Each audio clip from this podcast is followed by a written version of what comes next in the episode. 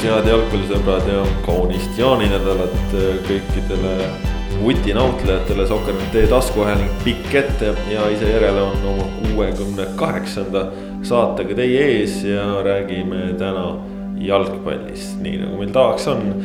räägime peamiselt premium-liigast, räägime natukene sellest, mida otsustas UEFA möödunud nädala keskpaigul, ehk siis milline on eurosarjade tulevik, milline on koondise jalgpalli tulevik. ja nii edasi ja saate lõpus peatume mõistagi ka olid ajad, olid mehed rubriigi raames kahe tuhande kaheksanda aasta EM-il. täna siis eh, ei räägi me eh, Evald Tipneri karikavõistluste poolfinaalidest ja seda sellisel põhjusel, et me lindistame saadet enne nende poolfinaalide algust. loodetavasti head kuulajad ei pahanda, sest jaaninädal on ka meil ees. aga minu nimi Kaspar Elisser, minuga siin Ott Järvela tere. ja Kristjan Jaak Kangur. tervist äh,.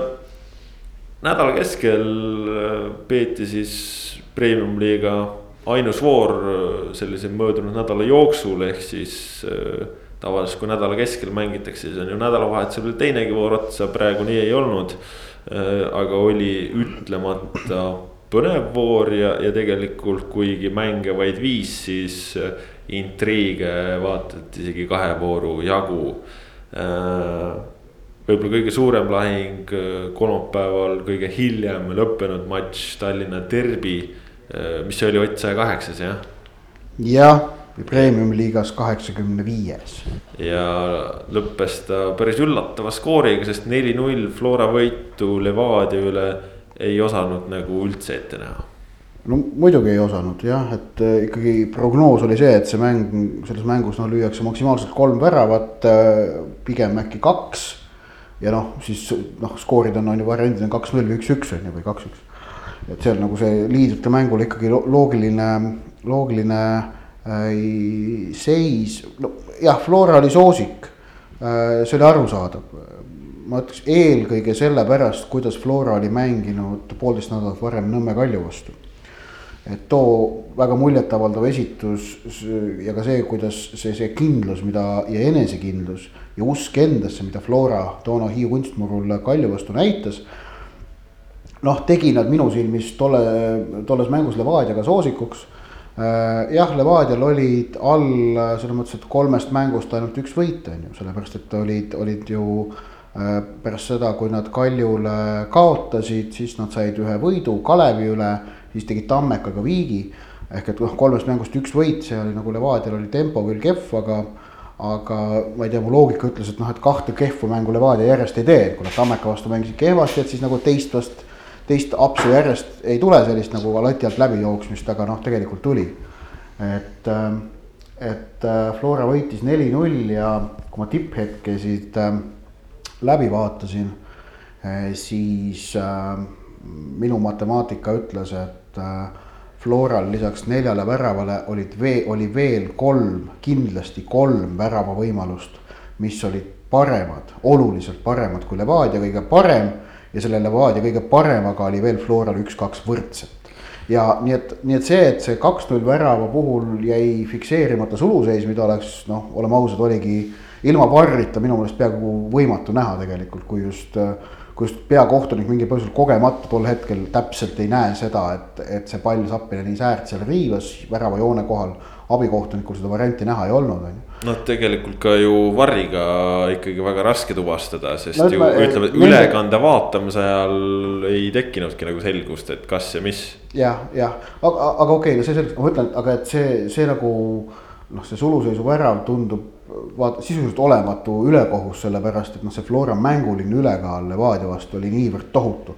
kaks minutit pärast seda Vassiljev oli variant kolm-null lüüa, noh lõi natukene mööda et, et äh.... ma, ma siin võib-olla natukene nagu vaidleks sulle vastu selle nurga alt, et äh, et võib-olla Flora mänguline ülekaal võis väljenduda selles, et nendel oli rünnakul rohkem õnnestumisi.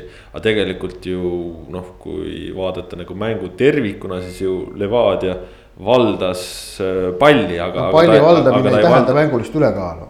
No palli valdamine, noh, palli valdamine, kas see on kasulik palli valdamine või kasutu palli valdamine, seal on see oluline vahe. vaatasin just huvi pärast praegu statistikast üle, täpne number kolmkümmend koma üheksa protsenti, ma ei ole kindel, et Floral lähiminevikust on sellist numbrit ette näidata ja neli-null võit eks see on väga hea näide tõesti sellest, et see palli valdamine, see ei tähenda mitte midagi. ei, ei tähenda, ei tähendagi, aga, aga selles suhtes, et mängu kulgu ta ju selles mõttes mingi nurga alt dikteerib ja noh, kas saab öelda, et, et äh, kontroll on absoluutselt Flora käes kui tegelikult äh, palliga nad toimetavad vähe. kui, kui, kui, kui, kui väravaht Ingvar Krister Poplavskis pidi terve kohtumise jooksul tegema kaks märkimisväärset tõrjet, mis kumbki ei olnud ikkagi selline supertõrje. esimene poolaeg võttis lati alt ühe peallöögi, lükkas kornerisse.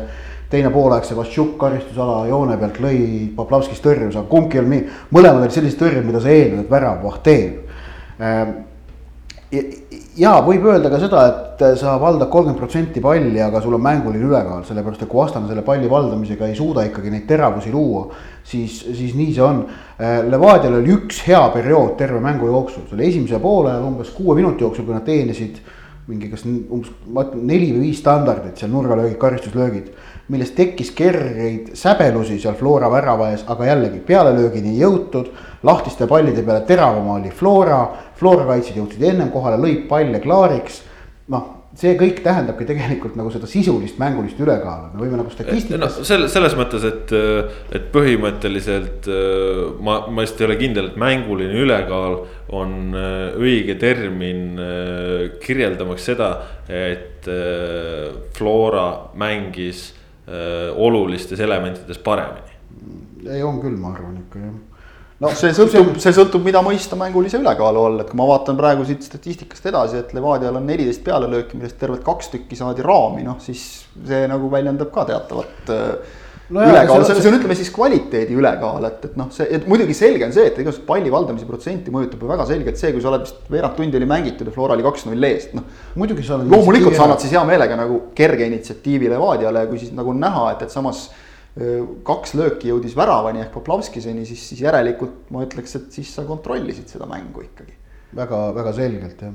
ei, seda selles mõttes küll, et ma selles osas ei, ei vaidle vastu, et et äh, Flora väga hästi sai aru, mis äh, väljakul toimis ja, ja käitus vastavalt, et eriti pärast kiiret väravat, eriti pärast äh, teist väravat, kus nad siis panustasidki oma tugevustele ja nad lasidki Levadial söötu lükata, sellepärast et Levadia söödu lükkamine oli väga vähe tulemus, tulemuslik, sest viimasel kolmandikul ei leitud käike, ei leitud oma mängijaid, see põhjustas, et, et ongi tihtipeale Levadia rünnakud olid sellised, kus keskkaitsja üksinda üksinda üritab seda palli kuskile ettepoole äh, viia, väga hästi ei tule välja, siis ääre pealt noh, otsitakse tsenderdust, Manucciot. noh, mõned korrad leiti mitte kõige mugavamalt ja, ja nagu olidki. jah, et tsenderdustega oligi, et noh, tegelikult noh, Levadia tsenderdas minu meelest päris palju, aga see, kuivõrd kehv oli Manuccio äh, sellise, ütleme noh, edurivi liidrina äh, võitluses Henrik Pürgi ja Märten Kuusega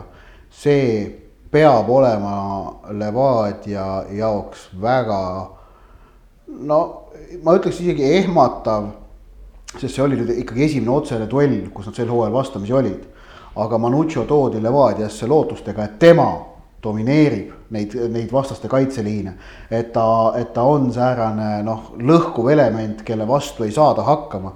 Märten Kuusk võttis pärast mängu vasakust taskust välja Kando ja paremast Manucciona ei, absoluutselt, no selles suhtes, et see Manucho äh, osas ju mina olen äh, juba enne hooaega avaldanud kahtlust, kas, kas ta tegelikult on piisav käik, ütleme esimese ringi põhjal ütleks, et ei ole. aga noh, saame näha, eks tal on siin aega natukene ennast äh, parandada ka, et. mind huvitab see, kas, kas ja millal, mäle-, mul, mul tuli meelde eelmise aasta mingi eelviimane voor vist, kui olid Levadia ja Kalju vastamisi, üks-üks viik äkki jäi või null-null Äh, vist jäi üks-üks. Artjom Komlov äh, tegi Levadia eest, oli põhikoosseis, tegi väga hea mängu ja. ja Vladimir Vassiljev, toonane peatreeneri kohusetäitja ütles, et järgmine aasta hakkate Komlovi nägema, et, et ta, ta siit, siit hakkab tõusma. Komlov mängib praegu esiliigat, et, et äh, lõi värava eile esiliigas ja ja küsimus, et noh, mul. Vabandust, mitte eile, vaid siis miks ta, miks ta mängib esiliigas, miks on seis see, et Karl Rudolf õigus on temast nagu selles pingereas selgelt mööda läinud. Õigus oli ju Tammeka vastu Levadia põhikoosseisus näiteks. et kuhu on kadunud Komlov ja küsimus on see, et kas nagu mingil hetkel äkki Levadia proovib teda äh, edurivis, sellepärast et noh, Manucho noh, ei ole noh. no Komlov ei ole ikkagi tiburündaja kujuga. nägin jah. no edurivi saab ümber kujundada moel või teisel, aga noh, et, et tema, kas tema suudab tuua mingi sellise särtsu sinna kuskile ettepoole. ja, ja noh, teine asi on see, et noh, see Juri Kolomojats mängis sügisel Ukraina kõrgliigas mingid mängud, et noh, et äh, näha küll kuskilt otsast ei ole. no mitte kuskilt otsast ei ole. Komlovi osas nägin teda oma silmaga, kui kommenteerisin Nõmme Unitedi ja Levadia U kakskümmend ühe mängu. ja, ja ega ta seal kümne peal mängides mingit väga säravat muljet kahjuks ei jätnud, et noh, nüüd, nüüd ta on jällegi mõnes mängus löönud ka, aga, aga ütleme nii, et äh, võib-olla siis ka ei ole nagu ikkagi põhjust praegu teda võtta sinna esinduse juurde. mäletad, ütleme niimoodi, et duubel, noh, duublimängus see peaks nagu vähemalt nii palju särama, et, et oleks ikkagi selge, et seda meest on mõtet kutsuda, aga noh, nagu näha, nagu sa ütlesid, eks ole, et õigus on, on praegu temast valikujärjekorras eespool ja Manucho osas on küll see, et, et ei ole ka mina näinud temalt tegelikult nagu üheski mängus sellist stabiilset läbi, isegi läbi mängu jooksvat nagu stabiilset esitust, mis, mis lubaks tal olla selline selge liider. tal on nii palju vigastustega ka siin hooaja alguses muresid olnud, et äh, noh, selles suhtes, et nagu idee poolest suur võimas kuju ees.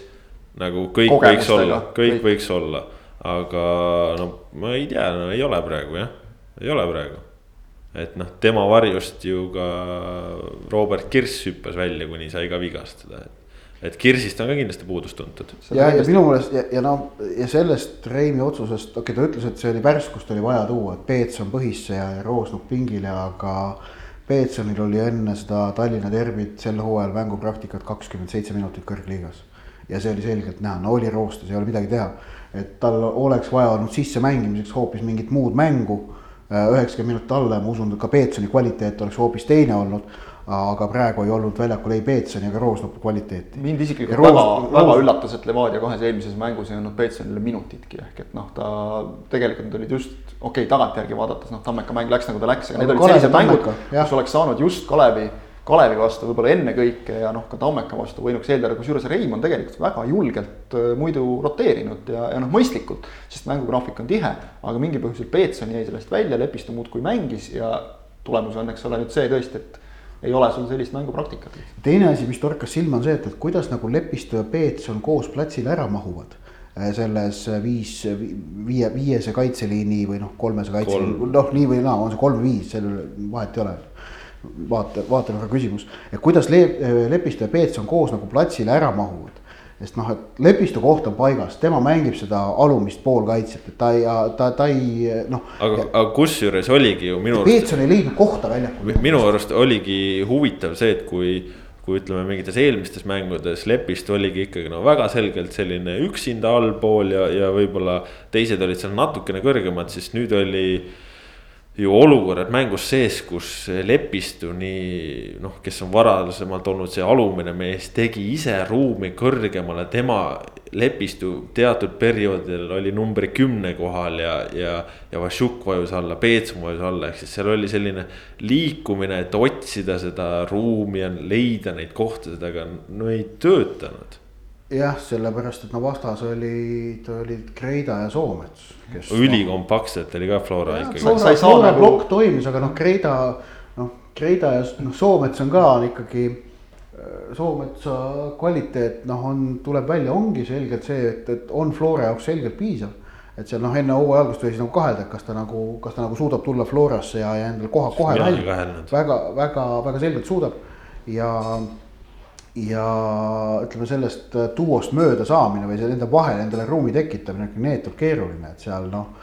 Kreida, kes ütles pärast eelmise hooaja seda Minski mängu Valgevene, kus null-null viigi tegi ja kus ta tegi siis äh, koondise algkoosseisu debüüdi välja, et tema eesmärk on olla Eesti parim number kuus. et äh, noh, ma ei tea praegu noh, ühtegi number kuute, kes oleks Kreidast parem ikkagi ja, minu arust Kreida pole siiamaani mänginud veel midagi väga hiilgavat sel jah. aga ta on ikkagi lihtsalt väga hea, kindel, noh. Jälle mingid õigeaegsed spagaadid, paneb nagu vastase mängud, mängu seisma, käigud kinni noh, teeb lihtsalt väga palju õigeid otsuseid väljakul. tema Väike... asi, tema asi ongi väljakul olla nii-öelda nähtav, mitte nähtav, seda parem ta on tihtipeale. No,, no, eks ole, kui sa jälgid teda spetsiaalselt, siis, aga muidu on tema töö teha seda musta ja, ja just mulle meeldib see, et, et ta, tal ei tundu nagu olevat vahet, et kas ta on vahepeal olnud siin vigastusega väljas või, või, või jäänud lihtsalt pingile, et, et kui ta mängib, siis tal on kindel, stabiilne tase, selle ta teeb, teeb ära see on positiivne, Soometsa puhul võib-olla lihtsalt on see väike üllatus, et noh, või no kas nüüd üllatus on, eks ole, aga lihtsalt see, et see keskvälja konkurents on, on Floras nii tihe, aga ausalt öeldes vaadates praegu Soometsa esitusi, nii palju, kui ma neid näinud olen. kui nüüd Ainsalu tagasi tuleb, siis tal saab ikka pagana raske olema seda kohta nagu tagasi võtta hetkel mm. -hmm. ma ei, ei näe nagu mitte mingit argumenti Soometsa koosseisust väljajätmiseks, noh, okei okay,. graafik on tihe ja, ja saab siin natukene, eks ole. no ja Poom on ju ka tegelikult tublilt mänginud. Poom on ka väga hästi ja, mänginud, selles mõttes Jürgen Henil on praegu nagu selline luksusprobleem. ei no Flora ongi üldse luksusklubi, sa alustad Tallinna derbit sedasi, et sul on Martin Miller ja Frank Liivak on pingi peal, noh no sellepärast, et Rauno Alliku ja Vlassi Sinjavski on mõlemad ikkagi hiilgavas vormis, no Rauno Alliku tõestas ennast taas. see on noh, vägev on vaadata, kuidas nagu noh, selline küps jalgpallur naudib praegu seda, et ta on väga heas vormis, et teda usaldatakse ja et teda kardetakse. platsil Rauno Allikut praegu iga äärekaitse premium-liigas kardab. Äh, sellepärast, et ta kogu aeg teeb ja ta teeb jällegi noh, õigete otsuste protsent Allikul on niivõrd kõrge, et, et see tekitabki äärekaitsetes kohati sellist nagu noh heitumust, et noh, Elhi ei saanud ta ju vastu ju, ei, mitte vabandust, Elhi mängis Sinjavski vastu, aga noh, Kruglov ka Alliku vastu oli hädas, noh. mulle meeldis äh, Alliku mängu puhul kõige enam see, kui sa tead, et su tsenderdus ei ole Flora parimal tasemel siis pane sööt kõrvale ja Vassiljev ise teeb, teeb selle tsenderduse ära ja. ja noh, sealt see kaks-null värav tuli, et sest noh, ma ootasin selles momendis, et kas Allik söödab juba varem, ta ei söötnud, ta ei söötnud. nagu siis ma mõtlesin, et mis ta siis enam selline kõrvale Kostjale paneb, aga ta teadis, ma panen Kostjale, et ta paneb kvaliteetse palli. see oli ju analoogne värav tegelikult sellele, mille nad lõid Nõmme Kaljule üks-üks värava. ehk et Alliku viis põhimõtteliselt enda karistusala juurest palli pikalt rünnakule, seekord viis ta ilma vahepeal sööte vahetamata, toona ta vahetas paar söötu. leidis, eh, Vassiljev liikus ise ääre peale, Allikov vedas sisse, Vassiljev liikus ääre peale, sööt sinna. Kostjalt ühe puute sööt keskele, noh toona andis madalalt Zappile nüüd andis kõrgelt Zenjavskile, noh see on nagu noh keelad noh, see ja, meister ise valib, kuidas. aga säärane liikumine nagu noh, neil selgelt äh, on no,. harjutatud. on ja. kas harjutatud või toimib ja, ja see koostöö toimib. see on ju loogiline. ja selle vastu, selle vastu on väga keeruline kaitsjatel tegutseda, et noh, et kui. kui üks kaitse liigub nagu väga selgelt Vassiljevi peale ära, siis sa jätad alliku äh, hoo, hoo, hoogu omava alliku karistusalas üks-ühele Äh, ja penalti oht on väga suur. ei no selge on see, et ääre peale sa jätadki ruumi nii kaua kui võimalik, hoiad keskelt kinni, see lihtsalt kaitse, kaitsmine toimibki nii ja mm. -hmm. ja siis ongi, et kas sa jõuad siis seda senderdust seal ääre pealt paikama või mitte. aga kui sul ääre pealt on Vassiljevi kvaliteediga no, senderdus. see on, see on see, see probleem jah. ja Vassiljevi-sugune mängija, kes loeb täpselt selle olukorra välja, et nüüd on õige hetk sinna äärele liikuda, eks ole, et, et see jah, noh ausalt öeldes praegu vaadates seda Flora mängu, siis äh, teeb selles plaanis murelikuks, et me tahaks nagu põnevat liigat, aga ma õudselt loodan, et, et nad komistavad kuskil sest et muidu läheb nagu väga kiirelt väga igavaks. Neil on kolm järgmist mängu, eks ole, olid äh, Kuressaare, Trans ja Tulevik.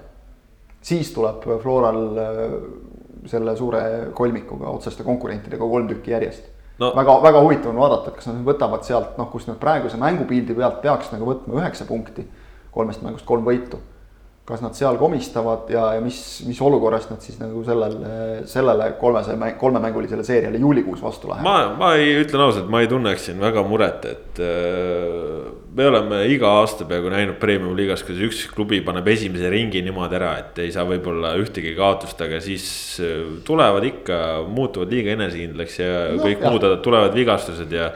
peab ja..., peab praegu ütlema, et loodame ei, ma arvan, siin ei ole isegi vaja loota, et äh, selles mõttes äh, Flora võib küll olla, äh, nagu ma enne ütlesin, sihuke luksusklubi, kus on ülipalju vendasid ja.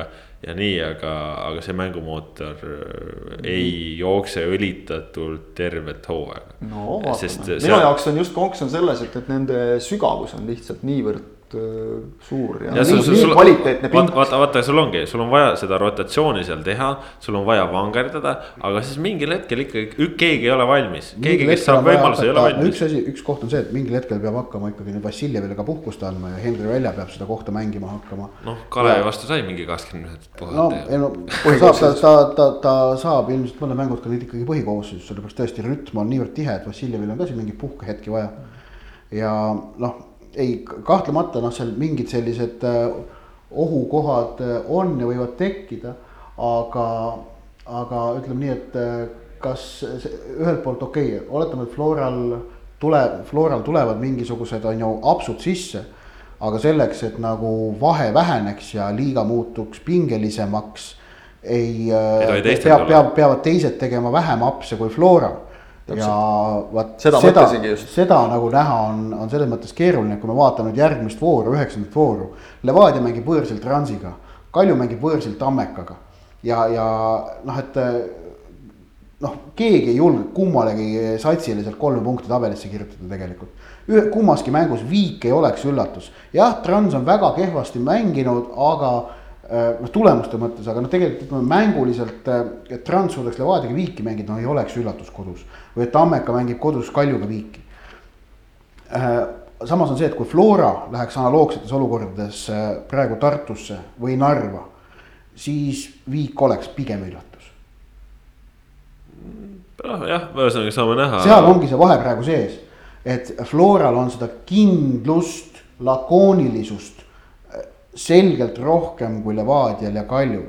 Äh, mängulise vormi mõttes mul on tunne, et isegi Paide on praegu number kaks sats. Paide liigub nagu tõusutrendil, alustasid konarlikult äh,. aga Paide liigub praegu tõusutrendil Levadia ja Kalju kohta, ma ei ole kindel, kas sama saab öelda. no aga räägimegi siis äh, Paidest, sellepärast et Paide tegi Hiiu mandide all uut ja vana Nõmme Kaljule. Kangur, räägi, mis seal toimus siis no selles mõttes. Paide tegi Hiiu mändide all uut ja Vana-Nõmme Kaljule, see toimuski no,. aga, aga, aga, aga miks see nii oli, miks see nii oli, see mind huvitab äh,. Paide probleem eelmisel aastal oli see, et nad alustasid palju just suuri mänge väga hästi, nad ei kestnud. Äh, võib-olla jäi mingist tarkusest natukene puudu, nüüd nad kestsid. Äh, teisel poolajal tõmmati selgelt ikkagi hoogu maha, mindi kohe väga tempokalt peale. no mingites mängudes nagu vaatad ja tahaks öelda, et Siim Luts ei ole, noh, Siim Luts ei tohiks mängida premium-liigas, see ei ole aus tema vastu mängivate kaitsjate suhtes kohati. ikkagi tema noh, klass ja teravus on, on, on ikka täiesti teine tase. ta tegi mingit ruleti asju ka seal vist mingi kahe või kolme venna vahel või? ta tegi seal igasuguseid asju esimese viieteist minuti jooksul, ehk et et, et see, see äär Luts, Frolov, Mööl, see, see kolmik nautis koos ja kokku mängimist. Paide mängis mitmekülgselt, neil on praegu võimed mängida mitmekülgselt. mulle väga meeldis see, et Zahhovaiko usaldas Christopher Pihti ja Piht ka tänas selle usalduse eest pihti kasutamine võimaldas äh, mängida Kalju, me teame, üsnagi aeglaste keskkaitsjate vastu. Just nimelt nii, et kohati tehakse ääre peal vurri, siis jälle pannakse pikka palli pihti peale.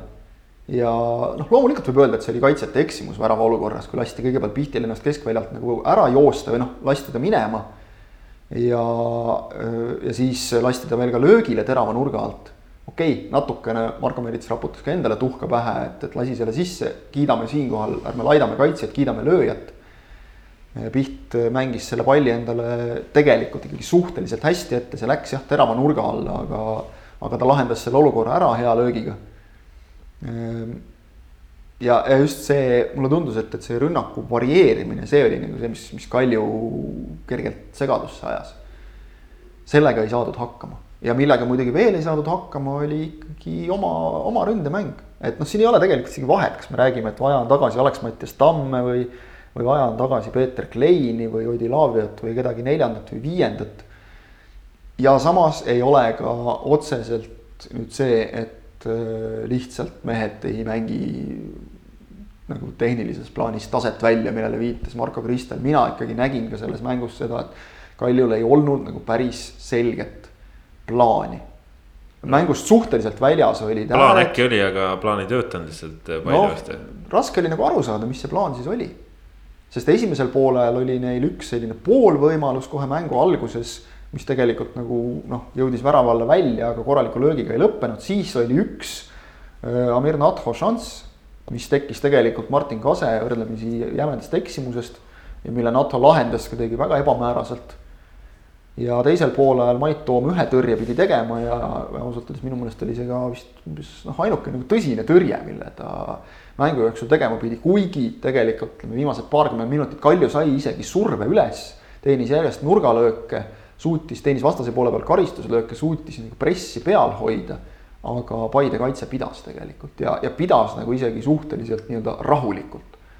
Ehk et mingit sellist närvilisust väga ei olnud või see, et, et noh, nüüd korraks oli mingi hetk, ütleme kümme minutit enne mängu lõppu eh,. tõesti nüüd mälu petab, kas see oli nüüd enne või pärast seda, kui Siim Luts penaltiga eksis ja andis nagu Kaljule uut hingamist, aga, aga seda noh mul, mulle nagu miskipärast jäi mulje, et Kalju meestel nagu ka seda õiget veendumust ei olnud, et me nüüd läheme ja lööme selle üks-ühe ära.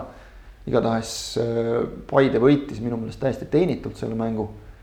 ja öö, olen selles mõttes nõus, et emotsionaalses plaanis nad ilmselt on Flora järel praegu nii-öelda teisel kohal. kolmandal on äkki tulevik hetkel isegi kuule, aga. aga, aga ühesõnaga Paide öö, emotsionaalne võit, see, see oli võib-olla isegi olulisem kui need kolm punkti praegu tabelisse no taktikaliselt nii palju, kui seal huvitavat oli algkoosseisus, siis ju kapten Igor Subbotin jäi välja ja lõhkuma oli toodud siis Paide mänguvõõri Deniss Tjapkin. Kes seni olnud pigem vahetusmees, kuidas Tjapkin nagu selle rolliga hakkama sai, et, et kas ta suutis Paide käike sealt keskelt kinni panna või, või, või mis, mis, mis see on? noh, selge on, et kui sul lähevad kõrge palli peal äh, Deniss Tjapkin ja Joosep Saliste, siis. Äh, no kõrge palli peal küll see. siis Tjapkinil on eelis, muus osas ma nüüd nagu väga ei ütleks, et ma, ma kardan, et, et seal on natuke see, et, et võib-olla kui mingeid Paide käik, käike kinni pandigi, siis. noh, nagu ma ütlesin, et kui keskelt ei saanud, siis Paide otsis äärelt ja seal ütleme näiteks Luts on võimeline noh, Eesti liigas kõik äärekaitsjad täiesti noh, lõdvalt üks-ühele üle mängima. ta ainult tänu sellele, et Muhamed Saneh on ta tiimikaaslane vist. noh, ütleme jah, tal on seal palju päris häid tiimikaaslasi tegelikult, et äh, minu jaoks mõnevõrra üllatus oli see, et, äh, et Sergei Mošnikov pingile jäi, tuli vahetusest alles. aga nagu näha oli, siis ega ei olnud nagu väga vajagi. ehk et ikkagi minu meelest see, mida nagu võib-olla võitis selles noh duellidesse minekus ja jõulisuses Kalju. selle ta omakorda kaotas Subbotini nagu puudumisega selles rünnakute ehitamises, et, et see noh, ei, ei, ei töötanud nagu väga see asi seal. aga pisivigastuste järel Bruno Caprioli algkoosseisus Sinilaiu mängukeelu tõttu tema vist mängis hästi. super ma ütleks tõesti super selles suhtes, et arvestades, et, et mis, mis ta mängupraktika on, ta mängis, eks ole, esimeses voorus. nüüd ta sai äh, Sinilaiu. tal olid koroona ajal olid jah väiksed traumad. tal olid jah traumad, eks ole, ja, ja arvestades seda, arvestades seda, et ta sai vist kümmekond või viisteist minutit seal Transi vastu, kui Sinilaid oli oma kollase ära võtnud, siis ta tuli sisse. suhteliselt vähe praktikat. seda arvestades Caprioli oli, oli minu meelest oli väga hea ta, ta on ikka, ta on ikka selles mõttes, Paidel on ikka sellel hooajal on see kõige suurem probleem, mis neil eelmisel hooajal oli see, et neil ei ole, ei olnud väga sügavust, et pingilt olid ainult noored võtta.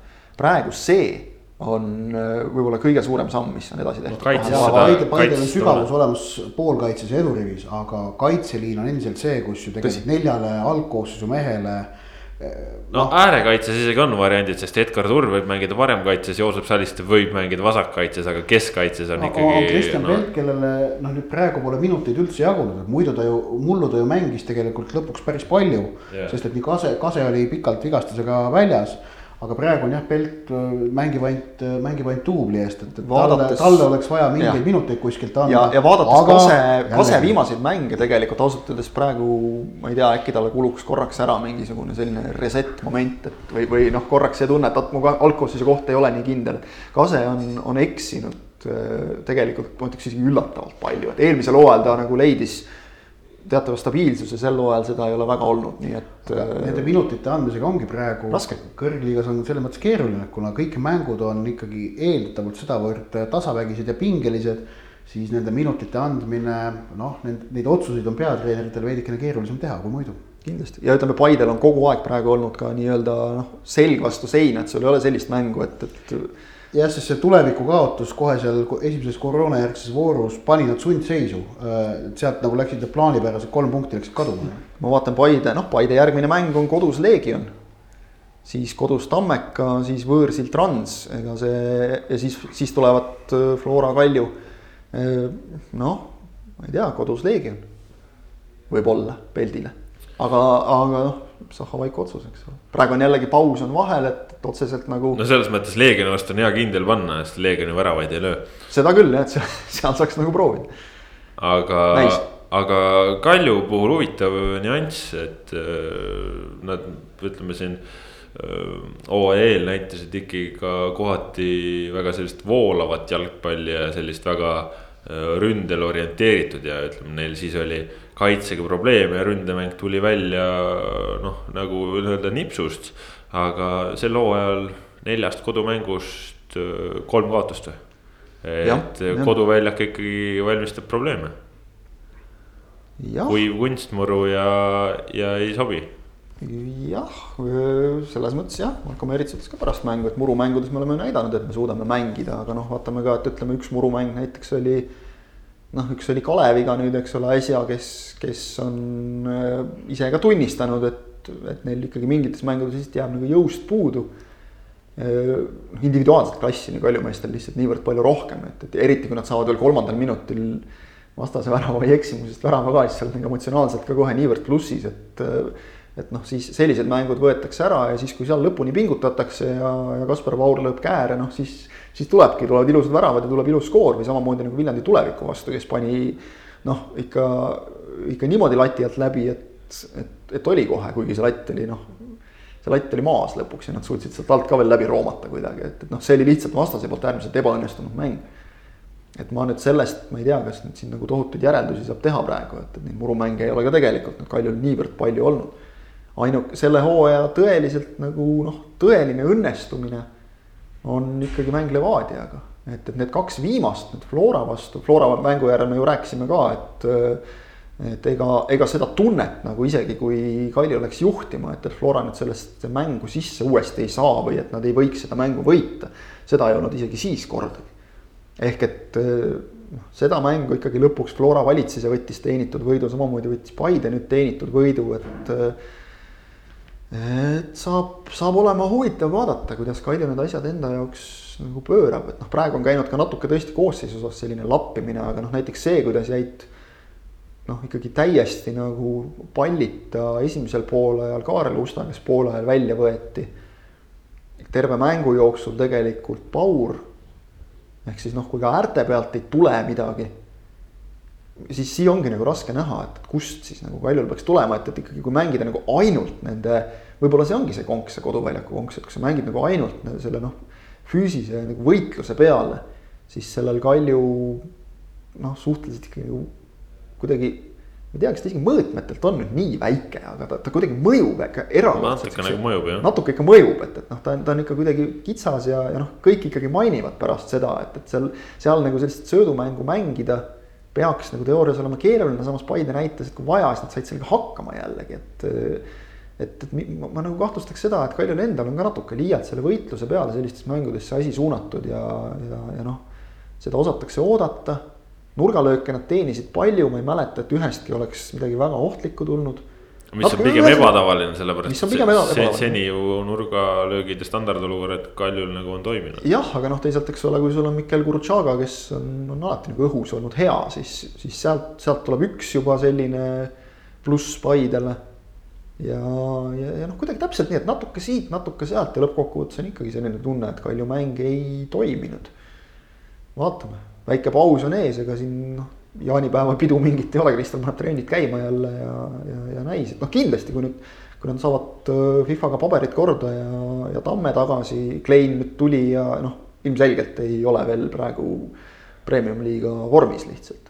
aga, aga noh, nad saavad mingeid käike juurde lihtsalt, mingit varieerimist. Huvitav oli see, et minu jaoks, et äh, jäi Aleksandr Volkov nagu noh, täiesti jälle sellisesse marginaalsesse rolli ja lõpuks mängis, mängis siin mõned päevad hiljem esiliiga B-d, et noh. lõi värava. jah, lõi värava et, et see, seda, ma vaatasin tema minuteid, et ta on viimastes mängudes väga vähe saanud Kristali käe all, ehk et midagi nagu seal ka ei istu siis või ta ei paku midagi, mida Kristal tahaks, et. Et no eks nägemused on erinevad. lonkab see asi natukene seal. aga jah, olukord on selline, et, et kuna Kalju kaotas ka punkte, siis Paide on jälle mängus tagasi ja. ja Flora on ikkagi praegu kus kuuepunktise vahega seal ees, aga aga räägime natuke teistest mängudest ka veel põgusalt. Trans Tammeka, Trans mängis kodus Tammeka vastu isegi südika partii. aga ei saanud palli võrku ja, ja no praegu on ikkagi no ikka veel ilma võiduta olla on, on ikkagi nukker. nojah, Pehter tegi väravas hea mängu. Veelmal oli üks šanss, lõi ära.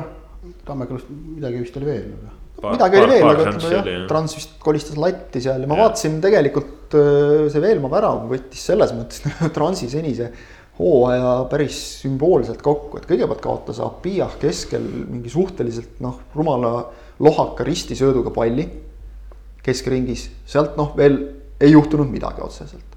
Tammeka sai tulla, siis oli karistusalas mingisugust äh, puterdamist. Apiah läks joone peale väga õigesti tegelikult, kui väravat on välja tulnud keskkaitselt loogiline liikumine, läks joone peale nii-öelda potentsiaalselt lööki kaitsma. seda lööki ei tulnud, see ei jõudnud väravani välja ja siis Apia justkui uinus sinna joone peale, jäi nagu mängu jälgima kuidagi. Ja kui siis kastis veel noh, oli natukene seal õnne, pall jõudis Veelmaale, siis Apia sööstis talle vastu, jäi muidugi hiljaks, Veelmaa lõi ära kõik see pingpong karistusalas, üks eksimus siin, teine eksimus seal.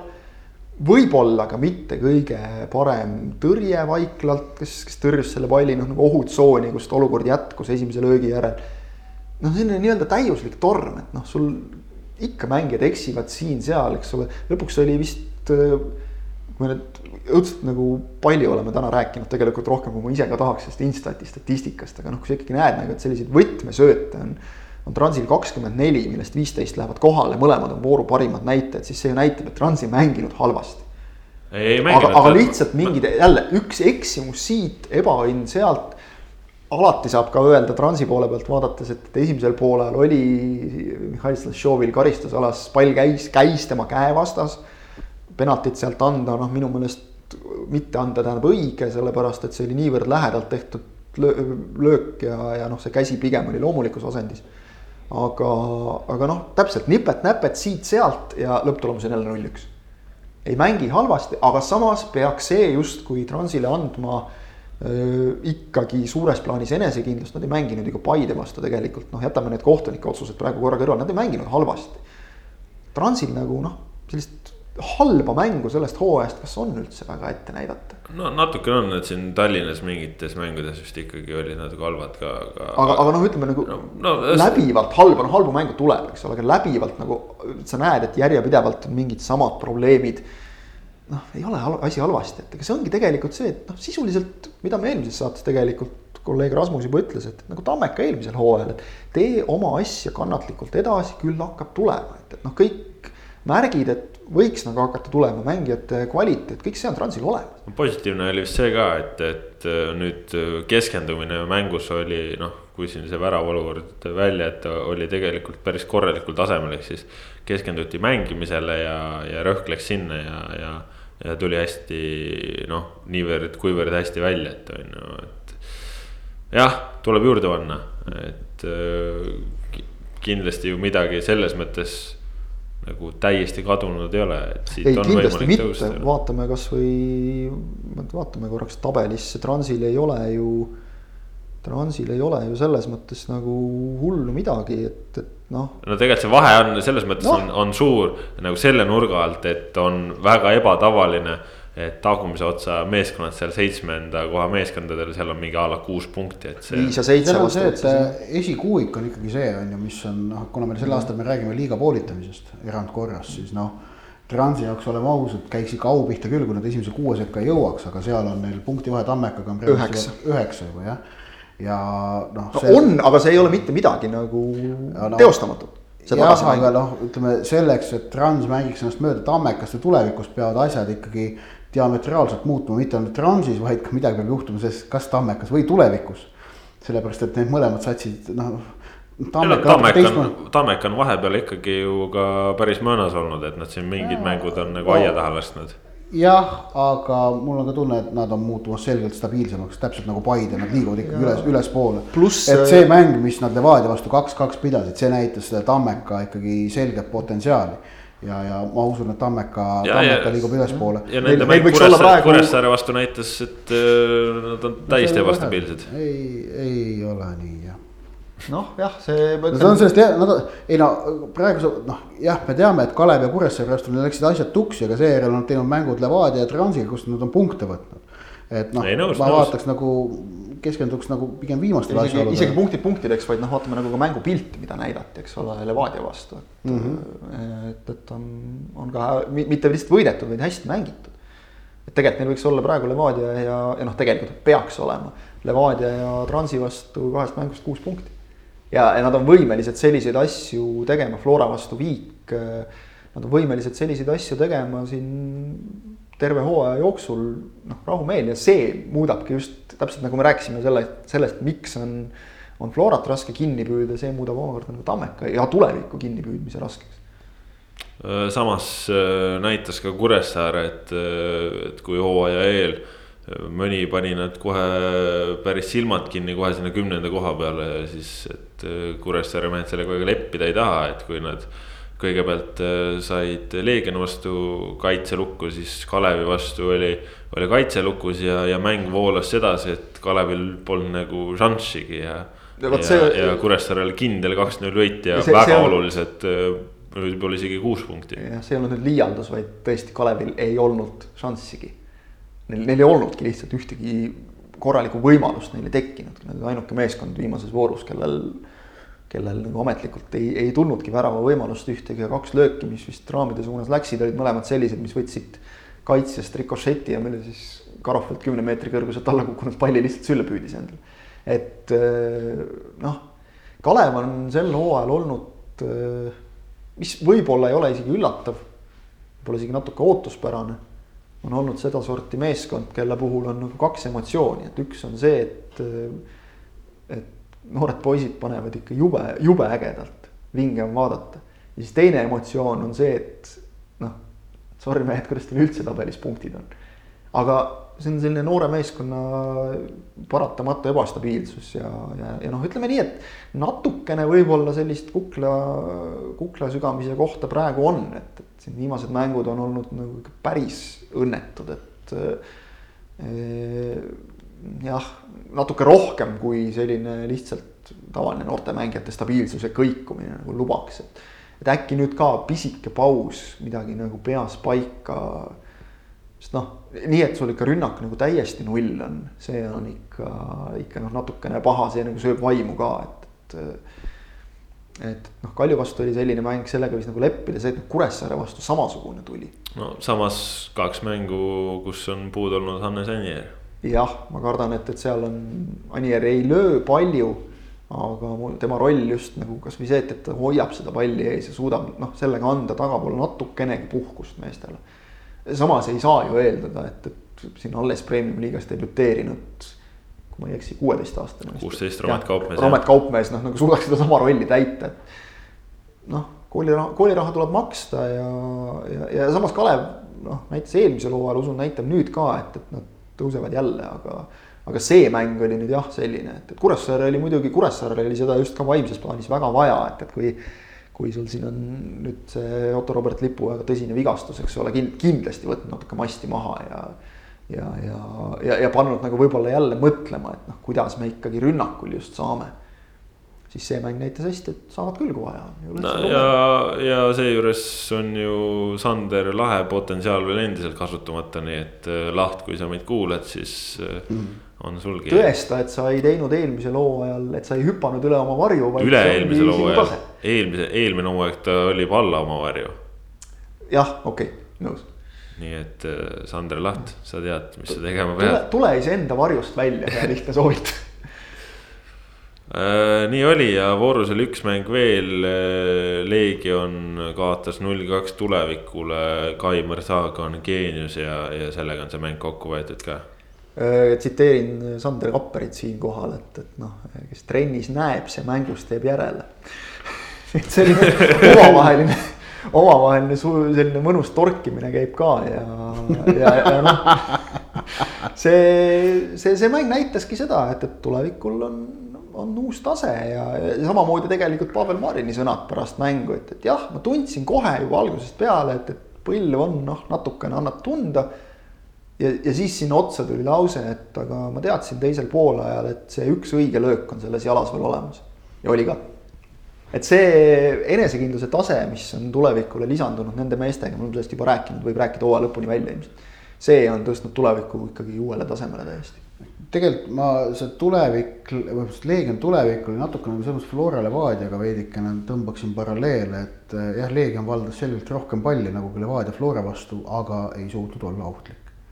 Ei suutnud olla ohtlik, Karl Raamet Nõmm mingeid selliseid noh, vägevaid tõrjeid ju tegelikult eh, tegema ei pidanud no ühe, mille ta ise tekitas, kui ta postist tagasi tuli jah, palli no sülle see, see oli see lõpuintsident, mille kohta meil Sokertis on pikk lugu olemas ja see on nagu noh, tegelikult on see natuke teine teema. aga, aga siis veel äh, samas noh, Londak pidi tõrjuma, et, et äh, tulevikku päästa, et tulevikul tegelikult võimal-, tuleviku realiseerimine oli kehv. Selles mängus on oluline seda märkida, tulevik realiseeris kehvasti. üks-üks olukord, kaks-null olukord jäi löömata mindi kahekesti niimoodi, et kaks ründajat olid eespool kui Leegioni kaitsja, ei löödud ära. ja samas, samas, mis nagu võib-olla Leegioni ründemängu kohta ka midagi ütleb, et, et kui sul on klubis ütleme, Kirill Nesterov, Maksim Kuusjev, Maksim Liipin.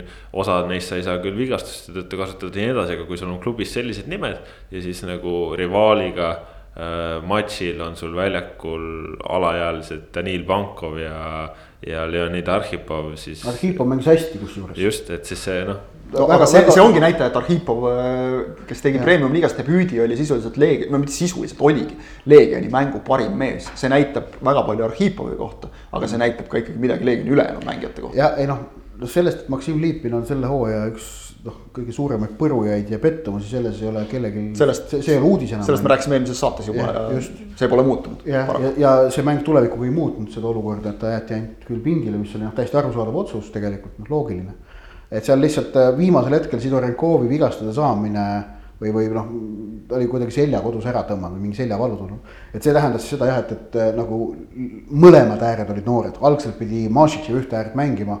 Kuna Sidorenkov langes välja, siis Mašitši oleks osak kaitses, tuli ka teisele äärele see noor Arhipov, kes oli ka hea tegelikult. aga, aga Leegionil ikkagi on äh, noh on murekohti, jah no,, see... Šleini naasmine on sinna keskele natukene stabiilsust lisanud, mis on ka ootuspärane. aga neil on vaja Kuusjevit, neil on vaja, mul tunne, Kuusjev oleks mees, kelle puhul ma näen, kes suudaks seda nagu Leegionit nagu muuta, anda neile särtsu pakkuda väljakul seda nõnda öelda ootamatuse faktorit, mida praegu Leegioni mängus ei ole okei okay,, nad kasutasid mul õnne selle ootamatuse faktori nagu selles mängus Kaljuga ära, et mis nagu ja Kalju ei olnud valmis ka vist ilmselt ja noh. seal Šatov nõelas korra ära ja, ja Mašitšev aitas ja, ja lõid teise ka ära, aga pärast seda pole enam mitte midagi, viis mängu järjest kuival. no ma ütleks võib-olla, et siin on Leegioni kõige suurem tegemata jätmine on see, et nad äh, ei pakkunud ikkagi Albert Prosale võimalust hooaega alustada, et nad kahtlesid äh, tema sellises tervislikus olekus ja, ja nii edasi. aga noh, reaalsus on see, et Marek Šatov, Semjon Beljakov äh, ja noh, Real Liievist rääkimatagi, sest ta ei saa isegi noh peale, et ei, seal ei ole seda, seda kvaliteeti, mida Leegion vajab oma ambitsioonide täitmiseks ja noh, Albert Prosa kohta võib öelda, kes mida iganes tahes, et et ka võib-olla tema paremad päevad on möödas ja nii edasi, aga ma ei tea. Albert Prosa on premium-liiga tasemel tõestanud jalgpallur, mänginud välismaal, mänginud Eesti koondises, et. et no ma olen kindel, et ta oleks ikka osa neid palle, mis Šatov on kuskile kettaheite sektorisse saatnud, ka ikkagi võrku lükanud, nii et äh, siin on lihtsalt olukord see, et kui sul on nii kõrged ambitsioonid, siis äh, pead leidma ka vastavad mängijad, et äh, noh. nii, täpselt nii on lihtsalt. no iseenesest on muidugi ka see väga sümpaatne ja, ja tahaks nagu rohkem näha, et, et sealt neid. nagu sa Ott vist väga hästi kirjeldasid, et, et kui sa uurisid Mihhail Artjuhovi käest, mis mehega enne mängu, mis mehega on Leonid Arhipovi näol tegu, siis vastus oli, et minu poiss ja sellega oli kõik öeldud, sest me teame, mis poisid sealt tulevad. sealt on tulnud Eesti koondisesse, eks ole, viimasel ajal no, ridamisi neid. siis ongi vaja lihtsalt Leegion, Leegion enda poissi. jah, et, et ma tahaks ausalt öeldes seda rohkem näha ja vaadates muidugi, mismoodi Arhipov mängis. siis just nimelt tõesti see, et, mida, mida need Leegionist tulnud noored on kogu aeg kinnitanud, me ei karda midagi ega kedagi. ja, ja seda juttu on kuuldud noh, aastaid, lähen teen. aga huvitaval kombel need, nad ei kardagi mitte kedagi, nad lähevad ja teevadki. et et, äh, et noh, tegelikult ma isegi ütlen ausalt, äh, natukene selles plaanis olin võib-olla pettunud, kui Leegion pani, noh hakkas rääkima siin nagu mingist top neljast, viiest, kuuest ja pani endale sellistest äh, mängumeestest noh, nii-öelda natukene nagu noh, siit-sealt ülejäänud mängumeestest sellise hirmkõva satsi kokku, et noh, et, nüüd oma noored ei saagi üldse peale. Õnneks nüüd nagu näha öö, saavad küll ja, ja seda nagu tegelikult oleks rohkem näha, see oleks noh see, see annaks nagu no, kõvasti juurde, ka kuidagi isegi ütleme, kui need noored kutid kaotavad, siis seda emotsionaalselt vaadata on kuidagi ikkagi vingem selles suhtes. no Leegionil ju lihtsalt eh, rünnakule, mis siis on, et kas tood oma kasvandiku Erik Sorga tagasi, kes aitaks. kas tood eh, tagasi oma kasvandiku Aleksandr Šapovalovi, kes kindlasti oleks parem kui, kui need praegused. või siis tooksid tagasi Artjom Kumlovi, kes on ka su enda poiss, et et noh, Leegionis saaks Komlov vähemalt Premiumi minuteid on ju. jah, võtavad laenule ja andku minna selles suhtes, et variant on nagu jah, aga, aga või, või siis veel parem variant, et tuleb mingi mees, kellest me praegu väga ei tea ja hakkab tegema, noh, tegelikult nagu. nagu eks ole no. mingil aga... ajal on sorgad ja need tulnud niimoodi. no jaa, lihtsalt praegu Leegioni rünnak on selline ikaldus, et noh põud läheb juba, juba kriminaalseks, aga, aga aitab, sest Premiumi-liiga juttudest jube kaua oleme rääkinud jälle meil täna teisi teemasid ka ja. ja peame siis silmas, et teised teemad teeme natuke vähe kiiremini täna. Äh, UEFA otsused, äh, lõpuks ometi sai ametlik selgus majja nii Euroopa liiga kui meistrite liiga mängitakse korvpallilikus Final Eight formaadis, ehk siis. Äh, Euroopa liigas kupatatakse satsid Saksamaale Äh, meistrite liigas äh, Portugali ja mis on võib-olla kõige sellisem äh, noh, nagu eriskummalisem nüanss, uudne nüanss, et nii veerand, poolfinaalid mõlemad ühemängulised. ja, ja tegelikult, kui meil on täna vist neli klubi, kes, kes teavad, et nad mängivad neid veerandfinaale, siis neli satsi saavad alles mõned päevad varem teada, et kas nendel on sinna Portugali asja ja, ja nad ei tea isegi seda, et kas nad oma need pooleliolevad kaheksandikfinaalid mängivad samuti Portugalis. Või saavad seal ka koduväljakut kasutada need, kes on korra pidanud võõrsil mängima, et mis no, me arvame nendest asjadest? täiesti loogilised, mõistlikud otsused. hetkeolukorras ainuvõimalik lahendus. mitte kellelgi pole mitte midagi kobista on minu meelest äh, kokkuvõttes see, ei tehta seal kellelegi ka liiga aga kui ütleme, kaheksandikfinaalid, mis on pooleli, viiakse Portugali, praegu no, ei ole teada. Siis, ei, siis, ei see ei ole kellelegi liiga tegemine. no siis on just. ei ole, noh, see on asja, asja, see on paratamatu mis paratamatu seal ei ole mitte midagi muud teha, noh. aga liigad käivad, miks nad ei või siis äh, oma kodu, kodustaadionil mängida seda finaali? seal tähendab see, see, see, kus need mängud mängitakse, otsustatakse ju noh, suht millalgi ikkagi suht viimasel hetkel või mitte praegu. oodatakse, vaadatakse, kuidas asjaolud on ja vastavalt sellele, kuidas nagu on reisipiirangud, kas on mingisugused, kas on mingi puhangulised olukorrad, kuidas on terviseolukord. Vastavalt sellele otsustatakse, aga kes iganes hakkab seal nagu kobisema, et, et meile nüüd on liiga tehtud, siis noh, tegelikult see ei päde, sellepärast et. et sääraseks olukorraks ei saagi mitte keegi kunagi valmis olla, mis on juhtunud ja, ja säärases olukorras tuleb teha kiiru, kiiresti noh, kõige mõistlikumad otsused. ja ma ei kahtle, et praegu on kõige mõistlikumad võimalikud otsused on ka tehtud.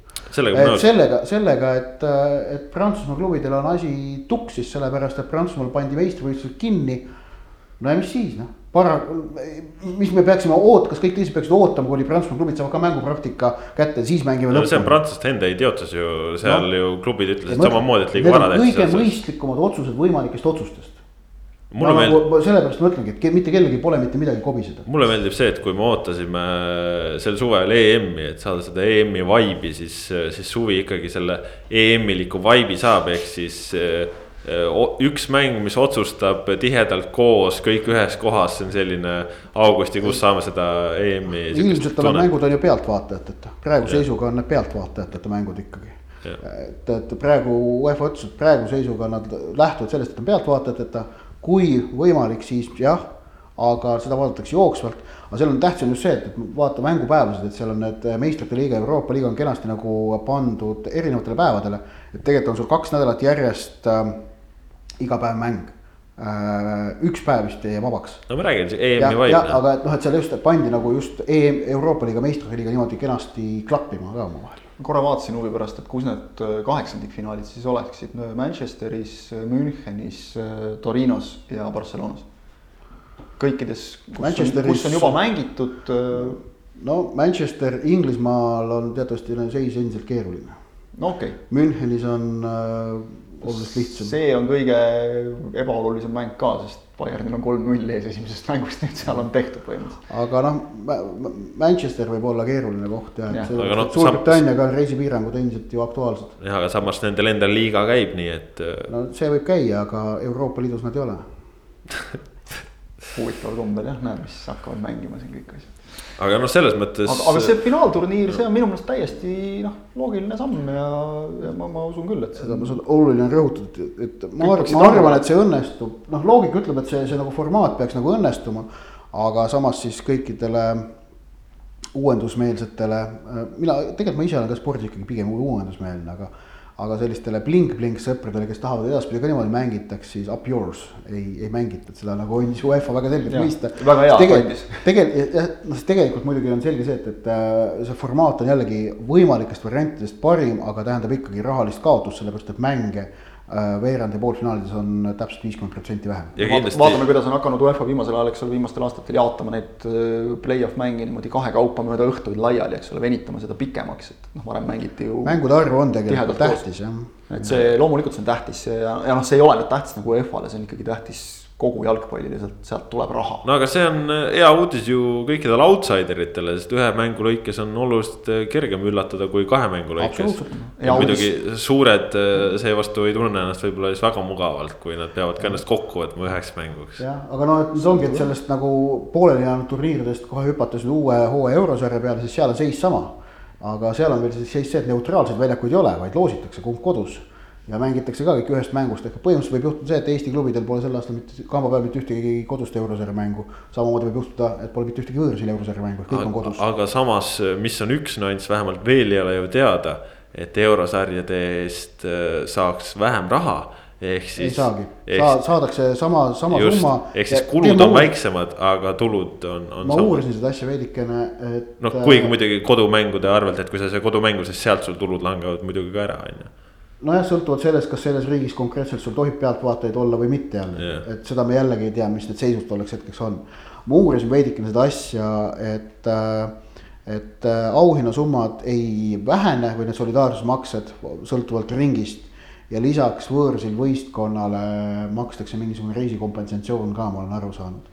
ning koefitsiendi punktide osas, noh, see kumbki ei ole nüüd ametlik informatsioon, et veel ei tea lõplikult, aga aga väidetavalt on kaalumisel siis variant, et äh, et noh, koefitsiendi punktid, noh, see on see, ma usun, et meie podcast'i kuulajad umbes teavad, millega on tegemist, et sa saad eurosarja mängus, riik saab siis võidu eest saab ühe punkti igas konkreetses mängus, viigi eest pool punkti, kaotuse eest null.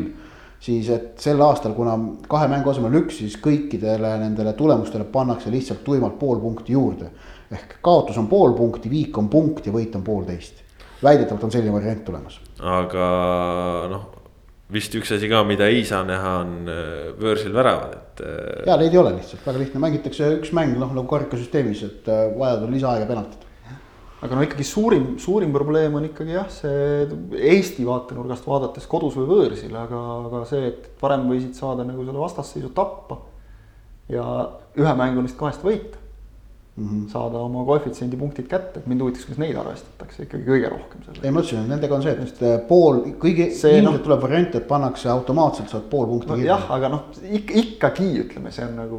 no mis, mis, mis, mida see koefitsiendi punkt sulle lõpuks annab ka nagu minu arust palju olulisem on see, et sul on võimalik äh, ühe mänguga lihtsalt ära võita ja no,. see punkt no. on selles mõttes väga tähtis. no on tähtis, aga kui sa saad edasi, siis ju see on palju olulisem kui see, kas sa saad pool punkti me räägime kas klubi huvist või Eesti kõrgliiga huvist. ma pean silmas klubi just huvis, seda jah. klubi huvides on jah edasipääs, Eesti kõrgliiga huvides on see, et klubi teenib koefitsiendi punkti. miks ma selle juurde tulin, tulin on ikkagi see, et tagasi, tagasi nii-öelda selle sinu jutu juurest on ikkagi just see, et, et arvestades, et me, me niigi nagu siin jääme juba oma kohtadest ilma, et. praegu kui... seisuga. no see on vaja võita lihtsalt, väga lihtne. tuletan meelde, me mängime, no. jaa, seda küll, me mängime hetkel äh, premium liigat, kus äh, pronksi meeskonnal ei ole eurosarja kohta tagatud et see kõigile tuletan meelde, et käimasolevas Premiumi liigas seis on see.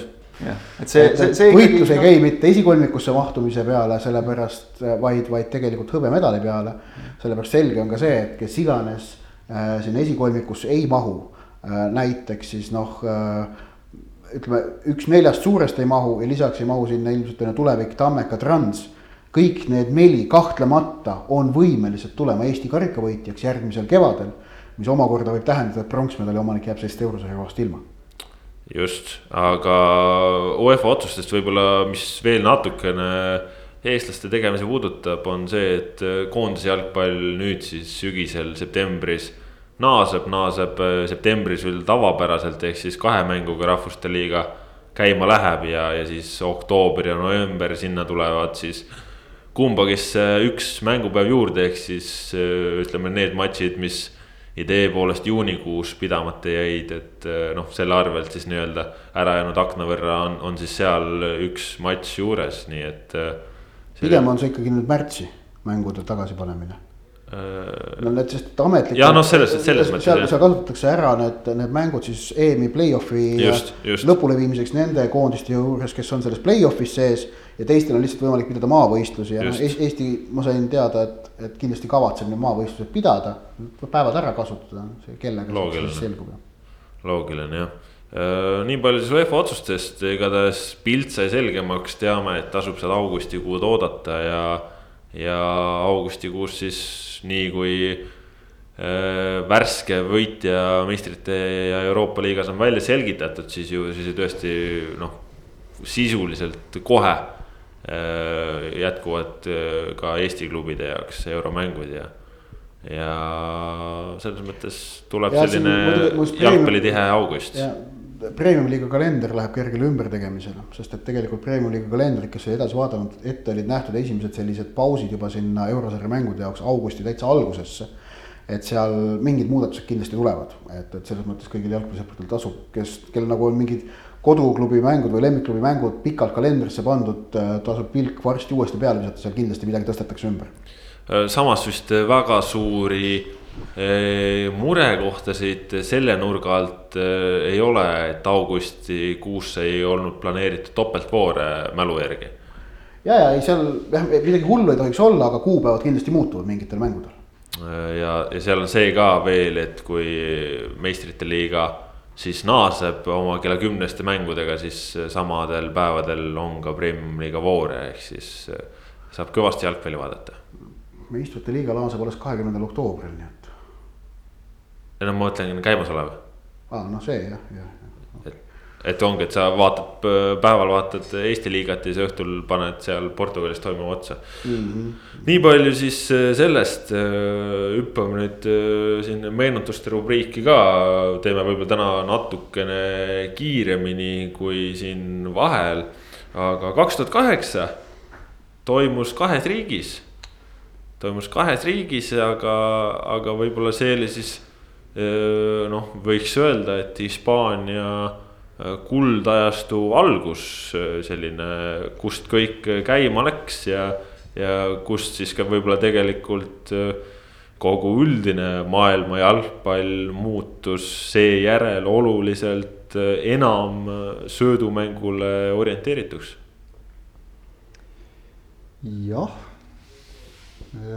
ma just nagu üritasin meenutada, et, et mis mis, mis ma nagu mäletan kahe tuhande kaheksanda aasta EM-ist ja kuidagi, kuidagi nagu ma ei tea, minu jaoks nagu sulas kokku kogu see värk, et, et see ei. kas, kas siis oli selleks ajaks juba enda jaoks mingisugune väike, ma ei tea, küllastumine jalgpallist? ma ei kujuta ette, mingil ajal mul oli selline periood aga, aga miski, miskipärast see EM nagu ei, ei kõnetanud enam nii, nii hullult.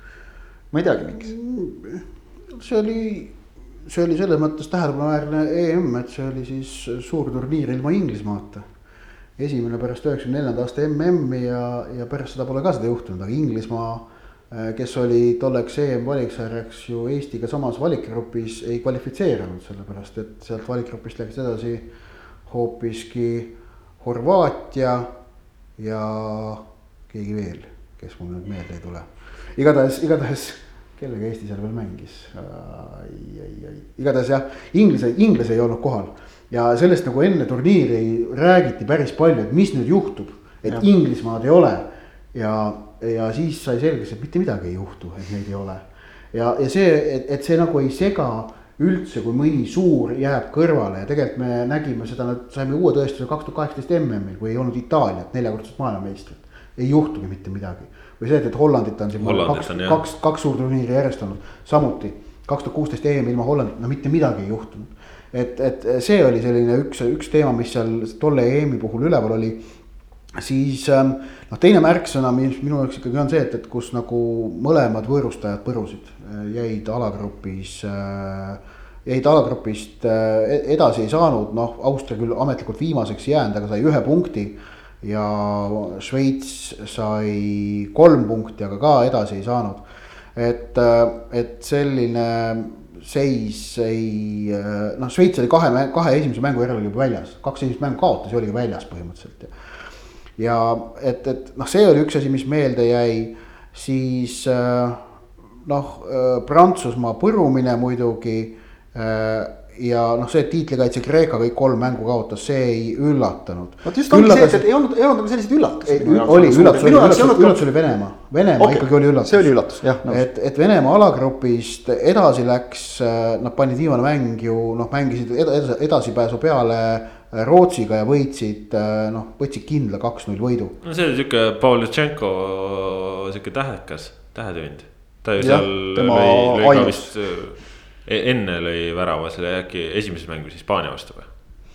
ja Pavlitšenko ju EM see kahtlemata oli jah, aga jah, et Rootsil oli Venemaa vastu viiki vaja, aga nad ei saanud seda sellega hakkama, vaid said Venemaa käest selgelt nagu tappa. ja noh, siis ütleme alagrupi turniirist veel rääkides, siis fenomenaalne oli ikkagi ju ka mäng, A-alagrupi viimane mäng Türgi-Tšehhi. Ähm, sest seal oli see, et kui kaheksakümne seitsmendal minutil lõi Nihat, lõi Türgi poolt kaks-kaks viigivärava siis oli seis see, et me hakkame pärast normaalaega penaltit lööma. selgitamaks, kumb läheb edasi, sellepärast et äh, neil olid kõik, kõik, oli, kõik oli võrdne. ja äh, fair play'd EM-il toona igatahes ei arvestatud ja ma ei mäleta, kas siiamaani ka vist ei arvestata, Fifal on see sees. sellises olukorras vist mitte jah, kui see edasipääseja nagu selgitab. igatahes esimest korda EM-il oli, oli reglementi kirjutatud, et kui viimases alagrupi voorus lähevad vastamisi ja mängi-, on, on vastamisi satsid, kelle mängija viik ja kõik näitajad on võrdsed, siis edasipääsu otsustab omavaheline penaltiseerija, et see oli, oli mõne minuti kaugusel, aga see Nihat lõi kaheksakümne üheksandal veel ühe värava ja Türgi läks edasi. jäi see kahjuks nägemata, mängu vilistas muuseas legendaarne mees, Peeter Freudfeld, mees, kes vilistas A Le Coq Arena'l kahe tuhande teise aasta kohtumist Eesti-Venemaa kaks-üks. et et ja, ja siis tolle EM-i puhul üks asi on veel huvitav, kes on, ma usun, et praeguseks päris paljud jalgpallisõbrad on näinud filmi Kill the referee. mis oli ju see dokumentaal, esimene selline jalgpalliajal selline esimene suurem dokumentaal jalgpallikohtunike elust ja sellest, kuidas jalgpallikohtunikud, noh nüüd kaasaegsed jalgpallikohtunikud tegutsevad, mõtlevad.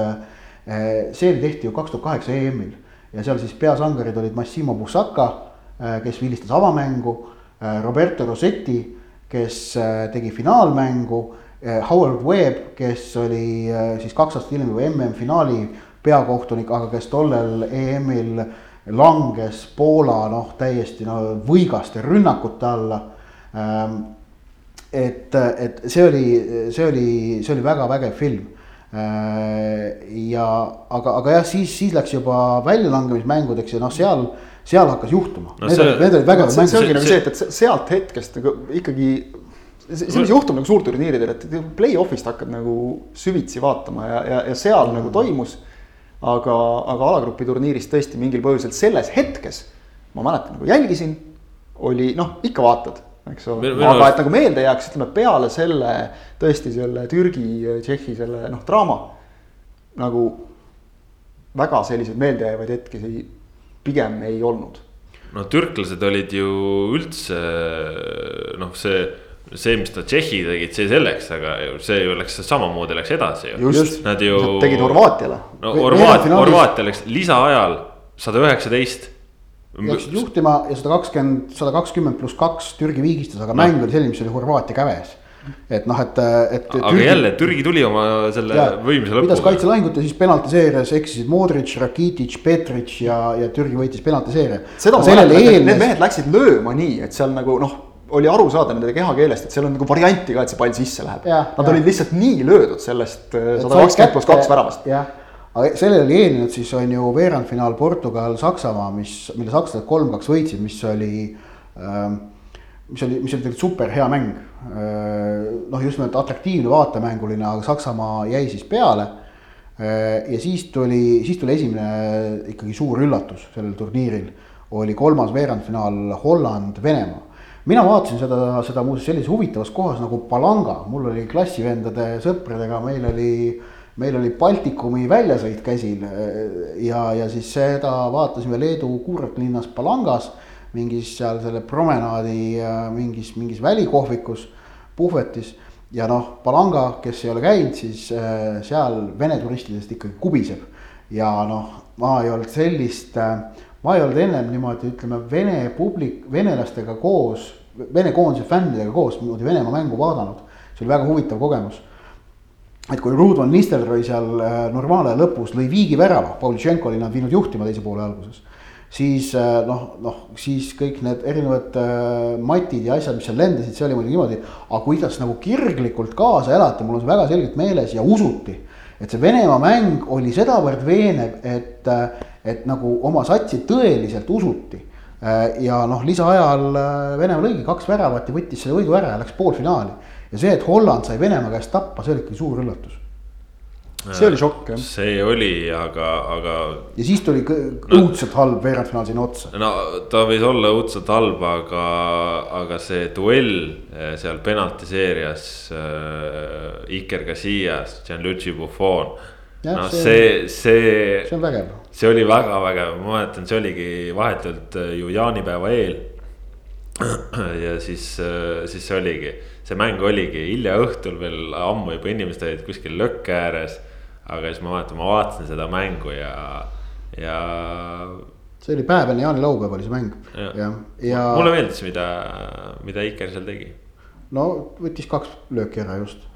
aga jah, Hispaania sai sealt edasi, see oli siis see Hispaania selline kõige, tegelikult selles mõttes kõige selline keerulisem mäng sellel turniiril. murdepunkt võiks isegi öelda. ja kindlasti, et nad olid alagrupist läinud ju ikkagi noh, muretult läbi kolm võitu oli seal. kolm võitu just seal ja, ja aga see veerandfinaal Itaaliaga, see oli nagu selline keeruline koht. sellest saadi üle ja siis olid poolfinaalid.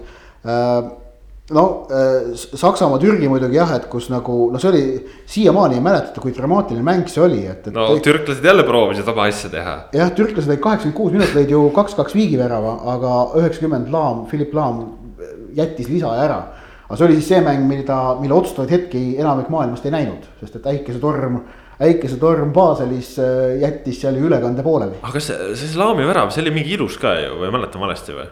Ei mäleta, Laam on, Laam lõi ilusa värava kahe tuhande kuuenda aasta MM-i avamängus Costa Ricale mm.. see oli see, kus ta pani mingi risti, jah ja. mm., kaugelt. üldiselt ta ilusaid lõigi minu meelest enamasti. ja noh, ja teises poolfinaalis siis jah, tõsi, seal enam Venemaal püssirohtu ei olnud, et seal nad Hispaania käest said selge null kolme mis ja. on siis huvitav, sest aastaid hiljem said siis revanši võtta. nojah, just kaks tuhat kaheksateist MM-i kaheksandikfinaalis penaltitega võideti Hispaaniat. ja finaal oli siis noh, see Fernando Torrese finaal. Et, et Fernando Torres ei suutnud Liverpoolis teha Inglismaa meistrit, aga ta tegi Hispaaniast Euroopa meistri. see, see, see oli magusam. no talle endale ma usun jah, mille ka, et see, see, see tõsi see on, et, et selle Hispaania valitsusaja äh, alustamise oli, oli ikka jah, see, see oli see Torrese, Torrese tehtu jah. ja et kui ei oleks sealt tulnud, siis noh, Hispaania oli ju pikalt olnud see, kellel olid jube kõvad mehed, aga kes suurturniiridel ikkagi järjepidevalt põrus. et kui nad oleksid ka selle finaali kaotanud, siis võiks nagu täiesti, okei okay,, neil oli materjali, eks ole, oli, oli maa ja ilm edaspidi, et, et võib-olla nad oleksid ikkagi oma need kaks järgmist tiitlit kätte saanud, aga me ei tea. aga jah, et see, aga see kaks tuhat kaheksa EM, et siis noh, ta, ta erines Hispaania järgmisest kahest tiitlist ikkagi selle poolest, et, et noh, on ju peatreener oli teine, Luis Aragones oli veel peatreener.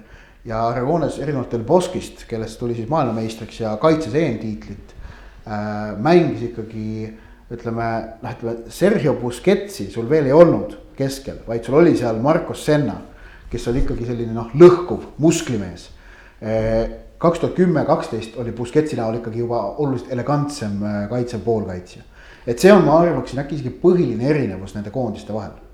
jah, samas, samas ütleme, et Senna no ta oli robustne vend, aga, aga tegelikult oli ka palliga hea no,. tõsi, Busquets on nagu elegantsem jah ja. ja noh, Busquets oli ka siuke trikitaja. meenutab sulle Stig Töftingut on ju noh.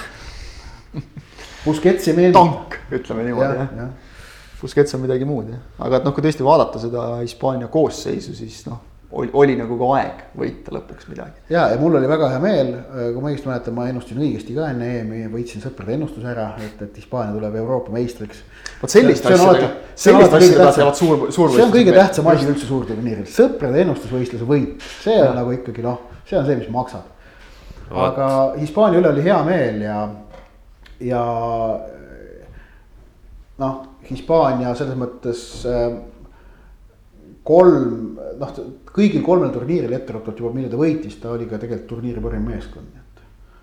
et äh, selles mõttes. jah, juhuslikkust seal ei olnud, seda võib küll öelda, et teenitud tiitlid vot nii palju sellest, aga, aga enne veel, kui me tänasele saatele joone alla tõmbame, siis noh, nagu saate alguses mainisime. lindistame seda saadet reedel ja, ja ikkagi üks asi, mis vajab kiiret kommentaari. Narva Trans lõpetas koostöö Zenke Scaniga. millised on esimesed hinnangud? noh, mis ma siin rääkisin tundi pool või kolmveerand tagasi, et tuleb võtta rahulikult, mitte rapsida, teha oma asja. Eh, või noh, poolte kokkuleppel viisakas väljendus, et, et on see nüüd tema enda valik, ma ei tea, eks ole, sest et arvestades, kuidas ta kohe hooaja jätkumise järel juba siin ise ütles, et kui on vaja, ma astun tagasi, ilma et keegi küsinud oleks kas ta siis nagu tunnetab ise, et ei saa, ei suuda? no see poolte kokkulepe, no ütleme nii, et äh, see on viisakas väljend, kas see tegelikult ka nii oli, seda me, seda me ju ei tea. sellepärast ma siin praegu niimoodi heietan ja arutlengi, et, et äh, noh, ütleme nii, et see, see, see hetkel vaadates nagu tabelisse, see lõhnab ikkagi pigem tegelikult. ei no ilmselt, ilmselt, ilmselt ikkagi vallandamine muidugi äh, mind mõnevõrra üllatab, et see asi on nüüd tehtud, me räägime reedel, et päev enne seda karikasarja poolfinaali Äh, mis on Transi jaoks sellise hooaja, see on mõnes mõttes kõige noh, ülioluline kohtumine, et noh, et karikavõit on ainuke variant, kuidas nad oma hooaega päästa saavad veel. Ähm, Kuroškini asendajaks, no see on loogiline variant, see oli ka eelmise hooaja lõpus toimis no,. Kuroškini see... olemine peatreener tähendab tegelikult ju seda, et äh, väga olulise osa otsustest, otsustest teeb Valeri Bondarenko.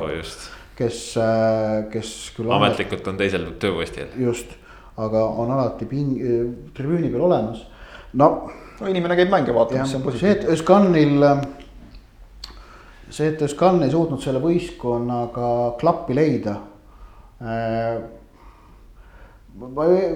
no tundub ausalt, et tegelikult nagu mõnevõrra üllatav, sest nagu, nagu mingid märgid olid päris nagu sellised, et noh, et ta võiks nagu see võistkond võiks nagu noh, talle klappida ja tema nagu nägu olla, tema käekirjaga no,. märts, märtsis ju. tema käekirjaga sobituda, noh, tegelikult ka siin noh, maikuu, ega, ega, ega meeskonna esitused ei olnud ju tingimata niivõrd halvad kui tulemused. no mäng Floraga näiteks ja niimoodi aga, aga ilmselt need pingete kuhjumine eh, on ikkagi see, mis sundis tegema Burdakovi otsuse ja noh. võistkonda pole võimalik vallandada, vallandada tuleb peatreener, see on nagu jalgpallis noh reegel ja see nii see nagu toimib.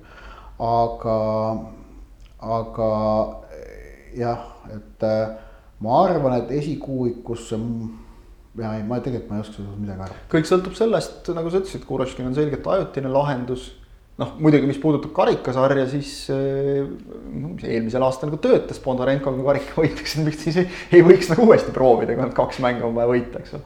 aga, aga noh, ma olen aru saanud, et nagu see, et, et Bondarenkot tuua tagasi nagu, nagu, nagu ma just juttu oli, et tal on tegelikult teine töökoht, et noh, see tegelikult nagu tuldi vastu eelmisel aastal, et seda nüüd sel aastal uuesti ilmselt enam ei juhtu, et ta nagu ametlikult. no sellepärast Kuratškin ongi. üheksandat korda vist või? Kui ta nüüd ametlikult tuleks, aga, aga noh. Kuroškin me teame eelmisest aastast, kui ta ju ka juhendas, siis on ju tegelikult see, et tal on ju, ta kurtis ise ka, ma mäletan, ma rääkisin temaga ühe mängu ajal, kus ta ütles, et. mul süda valutab oma noorte pärast, et tal on ju noortegrupid Narvas, et, et noh, ta, ta ei saa nagu neid nii-öelda ula peale jätta ja.